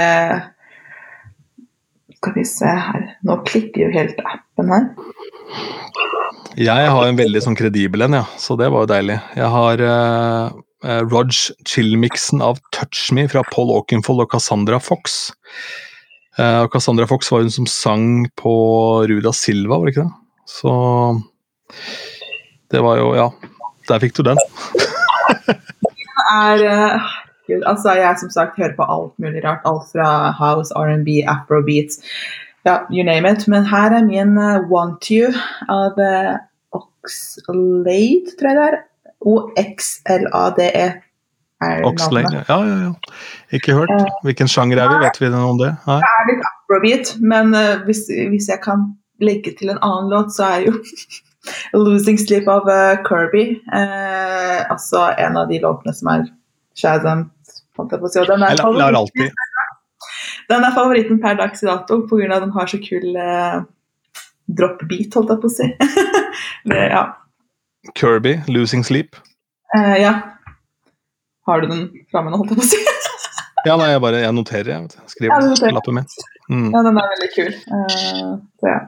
Problemet er at jeg kaster ikke lappene underveis. Jeg har liksom lappen til Ole liggende her, og så har jeg lappen til Trym, og så har jeg lappen til Heine. Så Men Kirby Skal se, ja, i hvert fall. Jeg vet ikke om det er Kirby Ja. eller Jeg aner jeg finner det. Ok, Og så er det Hall of Fame, da. Vi må nesten uh, gjennom det også. Da er jeg ute etter to låter som uh, uh, som du føler du på en måte alltid kan gå til, som er liksom litt sånn staples for, for Isra, da. Um, Tenker du når jeg skal spille ute, eller for meg selv? Ja, det kan jo egentlig være, men gjerne når du spiller ute. Også. Og Målet her er jo at disse to låtene det skal da inn i en spilleliste, og den spillelisten skal bestå av masse forskjellig rar musikk. Eh, alt fra liksom eh, norske allsangklassikere som Thomas Giebelhausen hadde, til, eh, til ganske harde klubbting som Ole hadde, til teknoting som andre har. Så det kan være hva som helst, men jeg er liksom ute etter to låter som du føler alltid funker for deg. Åh, I hvert fall når det er ute. altså For meg så funker de låtene altså jeg, Det er ikke sånn at jeg står og hører på de og repeat alene hjemme, men når jeg spiller de låtene alltid ute, så føler jeg det er en hit uansett. Og det er jo 'Hips Don't Lie' av Shakira. Den låta der Altså, jeg kan ikke Jeg har mista tellingen over hvor mange ganger jeg har liksom spilt den låta der, og den har bare Folk har bare mista det helt. Kjenner du historien til den låta? Nei, nei men altså, det, det- den er ikke, det er ikke sånn veldig kjent, men den er veldig fascinerende. Fordi her er det da en sånn perfekt storm som skjer, fordi Shakira kommer da med oppfølgerskiva til Oral Fixation. eh, Mhm. Og mangler da en ordentlig stor hit. For Hun hadde liksom Whenever Wherever fra den forrige. og så, mm. eh, og, Men det har på en måte ikke fått helt de singlene til å fly. Og så Mhm. har Wyclef med en låt eh, på soundtracket til Dirty Dancing 2. Jævlig dårlig film. Uh, ganske bra soundtrack. Men han mente den låta var for bra til å på en måte bare svinne hen da, uh, på det soundtracket. Så det ender opp med at uh, på mirakuløst vis så finner hans folk Shakira sine folk, og så ender det opp med å lage den der megabangeren her som Ja, jeg veit ikke, fins det noe større hit, liksom? Altså, altså Du har hit, og så har du hit, og det var jo ekstremt pinlig også i Telenor Arena, hvor det var Wheel of the 2000s, hvor Wyclef og Nelly var headlinere. Og så avslutter selvfølgelig Wyclef med Hips Don't Lie, ikke sant? med full og danse rundt i publikum. Og så klarer Nelly å gå på med noe annet enn Hot in Hair. Ja, ikke sant? It's getting hot. Antiklimaks fra månen, ikke sant? det var helt krise. Men ja, Hips Don't Lie, veldig bra. Uh, oh, nummer to Gud, hva er det jeg spiller ute som Det er så mye, fordi jeg klarer jo liksom altså med, med Det jeg gjør, er at jeg spiller liksom plutselig en afrobeat med en, en, en eller annen kul edit eller remix, og så kan jeg plutselig gå og hoppe til en sånn 2005-hit, liksom. Jeg, jeg blander veldig, og jeg har merket at det funker veldig fett. For da får de plutselig folk en blanding av Oi, det her var nytt, oi, det her var gammelt, og det her var Ja, ikke sant, gir det mening? Men åh, nummer to Ok, hvis du, Har du nummer to-to-låter som du har lyst til å dele, sånn at jeg kan Og det er sånn ja, at du kan ta riffet riffe fra meg, ja. Um, Ikke sant? Nei, men altså når, når du sier Hips Don't Lie nå, så syns jeg det er ekstremt gøy. For den låta den er jo da ganske nøyaktig rundt 100 BPM, ikke sant? Eh, og så er den compatible key med Macarena, da. Så hvis du er i et bryllup, ikke sant, så kan du da spille La oss si at du har en sånn Harry-seanse hvor du er ute av Macarena, så kan du gå inn i den, og så er det over i et R&B-sett. da. Eh, og da er du på en måte da uten å miste de voksne, for de er med på Macarena og syns det er gøy. Du må for guds skyld ikke spille mye av Macarena. Du bare, altså, Nei, nei, nei, nei, du kan ikke spille hele låta ferdig. Da... Nei, nei, nei, da er du helt ferdig. Oh. Eh, men men, eh, men idet du på en måte drar opp den, da, eh, hvis du har riktig målgruppe der, så kan du gå rett inn i Hips on Lie og videre i noe annet. da. Eh, og ja, hva er det jeg pleier å så Hvis jeg skal ta en av hvis jeg skal ta en fra din bok, da, og bare hoppe til noe helt annet, så fins det en helt sinnssykt bra 90-talls eurodance, sånn slow-låt, med DJ Bobo, som heter Everybody. Oh. Eh, og den er omtrent samme tempo, så den må du sjekke ut. Jeg kan sende deg den etterpå. Så, Jeg spilte faktisk her, når du, når du nevner det, så kom jeg på Jeg miksa jo den låta Altså, Det hadde en, faktisk en remix-låt av Hips Don't som jeg fikk fra kollektivet. Altså, DJ-kollektivet er gull altså, når det kommer til mennesker som mikser og trikser her. holdt på å si. Alt, alt shout-out til de folka der. Altså, uff, uff, altså fy faen, jeg har brukt så mye av låtene der at det er helt gull verdt. Men da fikk, fikk jeg, eller så jeg en, en som la ut av Hips Don't Lie-miksen, og da var det på 106 BPM, hvis jeg ikke tar feil. 106-107. Og ja, det er helt sikkert helt, Nå ble jeg sikkert angrepet fordi jeg spilte den, eller den låta med en annen låt som kanskje har en helt annen cue points eh, enn det det egentlig er. Eh, men i den låta Hips on Lie så er det plutselig en liten del hvor det på en måte hun, så, Shakira som driver og synger, har bare en egen solodel, og den tar jeg typ, typ på loop, og så tar jeg på Yeah, låta av uh, Usher. De to cool. låtene der det er, det er så gøy, for når ingen ser for seg den låta kommer inn mens jeg driver og looper eh, Shakira sin eh, soloversjon, holdt jeg på å si. Eh, så du bare ser folk litt sånn er det, er det den låta jeg tror det er? Og så er det når Asher skal akkurat til å synge, så da liksom slår jeg av eller senker eller ja. volum på den andre. Ja, ja, ja. Og ja for, for den er jo omtrent eh, rundt 105, da, så det er bare å få Ja, det på. liksom. altså, jeg driver og bare, jeg må finne balansen på akkurat det femmen der, men eh, de to funker gull sammen, selv om kanskje ikke Q-en uh, Kien altså akkurat der er noe lik. Ja. Men uh, Men som jeg nevnte i stad, så er det jo da Så lenge det er et kraftig nok og sterkt nok hook, da, ikke sant. Og når du kommer til hooks, da, altså hallo Den Altså, jeg bare leter etter de blå lysa på lysbordet, som kanskje ikke fins engang der jeg spiller, for å på en måte kunne sette på blått når jeg spiller J, liksom. Fordi jeg husker musikkvideoen oppi hodet. Um, men det, da går vi for J. Det som er kult nå, er at nå går du for kommersielle ting, og det liker jeg så godt, for det er så mange som uh, tenker at nå må jeg si noe veldig rart her. Um, fordi uh, jeg må fremstå så utrolig kul, men J funker, den. Det gjør også Hipstad Live. Ja, det er jo ikke hipstone, det er bare en, typ en annen form for det. Det er jo litt, Ja. jeg føler kanskje, jeg kanskje jeg, altså, Nå er det kanskje veldig feil å si det også, men hipstone jeg føler jeg er liksom en litt mer jentete låt, og så har du J som er litt mer guttete, og så har du de to blandene der, og så har du plutselig hele gjengen som danser tvers gjennom hvordan, Jeg vet ikke. Gir det mening? Ja, jeg veit ikke, jeg heller. Altså, jeg føler vel kan, Den J er vel crossover. Det er vel Lill John i så fall som sørger for at den blir guttete. da, For det, alt han tar, blir Ja. veldig harry. Blir veldig, veldig guttastemning med en gang han er involvert.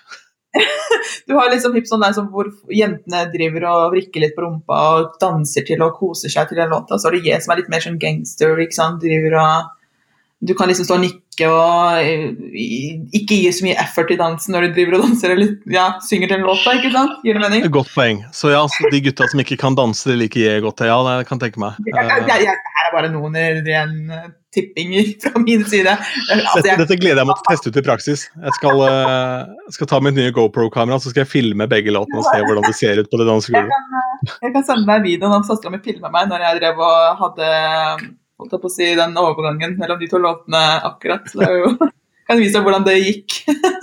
Gøy. Herlig. Men eh, så er det nummer tre, da. Og det er da en låt på en måte når du ser at ok, nå har jeg dem. Nå kan jeg på en måte gjøre nesten hva jeg vil. Altså, hva er det du Hvis du skal krydre da med en uh, liten eh, dose med um, blandingskrydder som er Isra, hva blir det? da?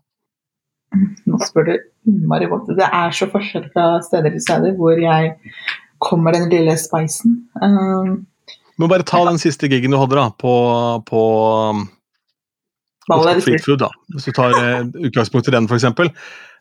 Ta, bare ta en låt der som du tenkte at ah, ok, det var litt kult å kunne spille den her, at den funka på en måte. Altså, når jeg spilte på Streetfood, så var det jo, det var jo folk som dansa noen steder, men det var liksom ikke dansegulv, hvis det gir mening. Uh, Nei, nei, men Det kan være altså, mange DJ-er som spiller på stemning. Det er nesten det viktigste man kan. det.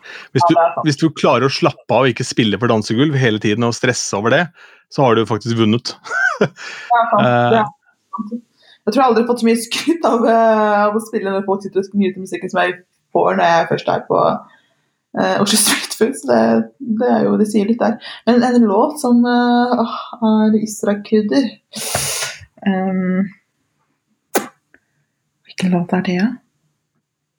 Åh, jeg har så Jo! Uh, det er en låt jeg fikk fra ei som heter Egil, eh, DJ Gilla, som han går på, altså navnet. Det er jo Redbone-låta.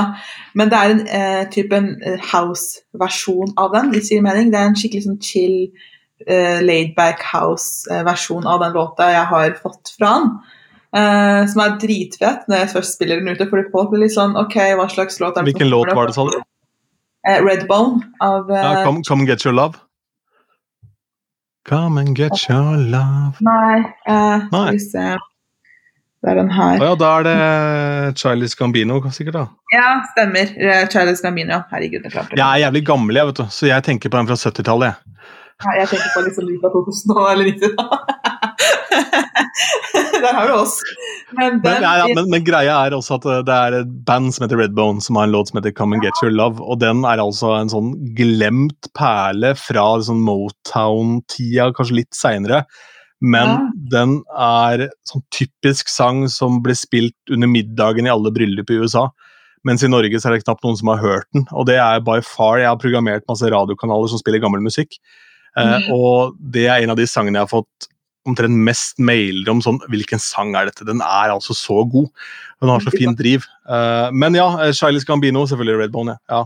Ja, den, altså, men den er en sånn type, som sagt, en sånn fet uh, chill lounge house-versjon av den. Eh, Da blir det hjemmelekse å sende meg en link til den på et eller annet sted. Jeg skal gjøre det. Eh, Den er ganske fet å bare stå liksom og nikke litt, eller danse, danse bitte litt. Den er ikke noe som man står og hopper eh, på bordet og fester skikkelig til. Men er, det er liksom en låt, veldig kjent låt, eh, men ikke folk ser ikke for seg akkurat den takten i den låta, da, hvis jeg er mening. Jeg tenker også det at det er så utrolig mange av oss DJ-er da, som deler en video i sosiale medier når vi har peak hour, men så har det kanskje vært over to timer før vi har kommet dit. ikke sant? Altså, I løpet av kvelden så er det så mange timer du må fylle med musikk som ikke er på en måte beinhard party, party, party hele veien. Eh, så det er jo helt gull det her hvis det fins versjoner av altså kjente låter, for det er en stor hit. Absolutt, og det er en låt jeg kom akkurat på når du drev og sa det, for det er en låt hver gang jeg har spilt ute. Den er jo eh, en god gammeldags klassiker ennå, men den fant jeg også faktisk på Soundcloud. Og jeg elsker når vi driver og snakker om musikk og musikkdeler. Det er liksom, der, er jeg, der, er, der lever jeg på mitt beste. Liksom, der kan jeg snakke, sitte og snakke i timevis. Uh, men det er den låta her av eh, skal vi se, Red Hot Chili Pepper, Peppers, Snow-låta. I en Ja. Skikkelig fet eh, lounge-låt, altså eh, remix, rett og slett. Og hver gang, hver gang jeg spiller den ute, så er det ut- er så mange som kommer og spør bare sånn, du, jeg har prøvd å ta Shazam på den låta, men jeg finner den ikke. Er det? Ja, nei, er ikke Kygo, det er eh, Jeg husker ikke helt hvem som drev og miksa den låta, men jeg kan sende den også. Den er faktisk veldig kul. Eh, jeg kan se om jeg finner den her. Jeg må bare Og så skal jeg gi deg, jeg gi deg det ordentlige svaret som jeg burde gitt deg i stad da jeg begynte å snakke om Macarena. Og det er by far den låta som hvis du da har eh, ja, jenter på din egen alder i publikum, mm. 'Rolling in the Deep' Adele. Ikke sant? Ja, der har du den gamle, gode gammeldagse klassikeren. Men altså, hallo i luken, liksom. Alle kan synge med, og det er en av de få sangene hvor de kan alle vers, alle refreng. Men der, der, der også er for eksempel Rihanna da, har jo en god del låter som alle kan. Jeg husker da jeg spilte på Street Food i februar en gang, og da fikk jeg faktisk til en ganske tidlig dansegull. Eh, Dansegullet skulle være egentlig fra klokka 11, jeg fikk det til fra klokka 10. en litt av en warm-up, kan du si. Men da spilte jeg We Found Love Mm. av Ja, ja, og den bare Jeg har til og med videoen hvor folk bare Du hører ikke musikken min spille lenger. Det er bare folk som synger med høyt hals ut, og det er bare, bare gåsehud eh, gjennom hele meg. Eh, Og så følger du opp da med Shut Up and Dance With Me etter den. ikke sant? Den er åh, magisk. Men du, det er Red Hot Chili Peppers Snow av uh, John Dye. Eh, remix heter den. Den, fra, den fant jeg på SoundCloud, tror jeg. Ja, den er derfra. Hvordan skriver du Daya? Eh, det er J-O-N-D-A-I, I på is. Ja, det kjenner jeg til. Is. Kjenner til. Bra, herlig. Du, Isra, tusen takk for praten. Det var veldig hyggelig. Jeg tror at uh, noen som kanskje ikke har turt å bli DJ, kanskje blir DJ etter å ha hørt uh, deg snakke. Uh, og det er verdens beste kompliment til deg. Og så syns jeg det er utrolig fint at du er så flink til å fremsnakke andre. Eh, fordi jeg blir litt lei meg hver gang jeg hører noen som umiddelbart begynner å snakke om eh, at de var og hørte Nei, han er i dårlig form om dagen, han DJ et eller annet. Så sier jeg nei, han er ikke i dårlig form, altså så må bygge hverandre opp. Jeg synes Eh, det er viktig. Den, den biten her er så utrolig viktig, for du kommer ingen vei ved å snakke ned på mennesker. Eh, altså, nå sitter ikke jeg og sier at jeg er verdens beste eller verdens verste. Altså, jeg, jeg, folk får tolke som de vil når de ser meg spille, men å, å snakke ned på andre mennesker, det har, det har ikke ført meg til noe godt. Eh, og hvis jeg skulle gitt et tips til alle andre, så er det det å ta sjansen i livet. Hva er det verste som kan skje? Det er et nei eller en liten, et lite blikk. Det er, liksom, det er det verste som kan skje. Men uh, ut ifra det jeg har opplevd, er at det har gitt meg spillemuligheter, rett og slett, og venner for livet. Så Nei, eh, det, jeg har lært det å snakke fram med mennesker. Det, du kommer bare bra ut av det. det altså Karma for de fleste, altså. går igjen tilbake til lista mi her fra DJ Jazzy Jeff, hvor det står da på nummer ni Collaboration, not isolation. Og det er Ja. altså så viktig. 100% Og jeg har mye mer å lære av eh, så mange utrolig fine mennesker der ute, så jeg gleder meg til å høre resten av de folka du skal eh, intervjue eller ha podkast med, for å si det sånn. Og de jeg har hørt hittil, har jo vært helt fantastiske og inspirerende alle. Så du gjør en god jobb. takk skal du ha. takk skal du ha.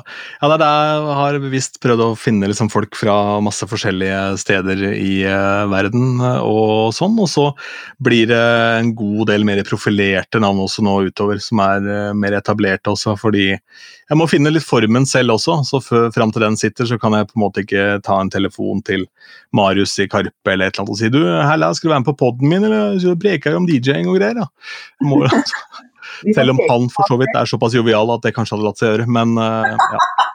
Han ser så jovial ut at det tror jeg faktisk hadde fått til. Men jeg vil jo tro at det kommer til å skje, og det vil jo skje ganske snart.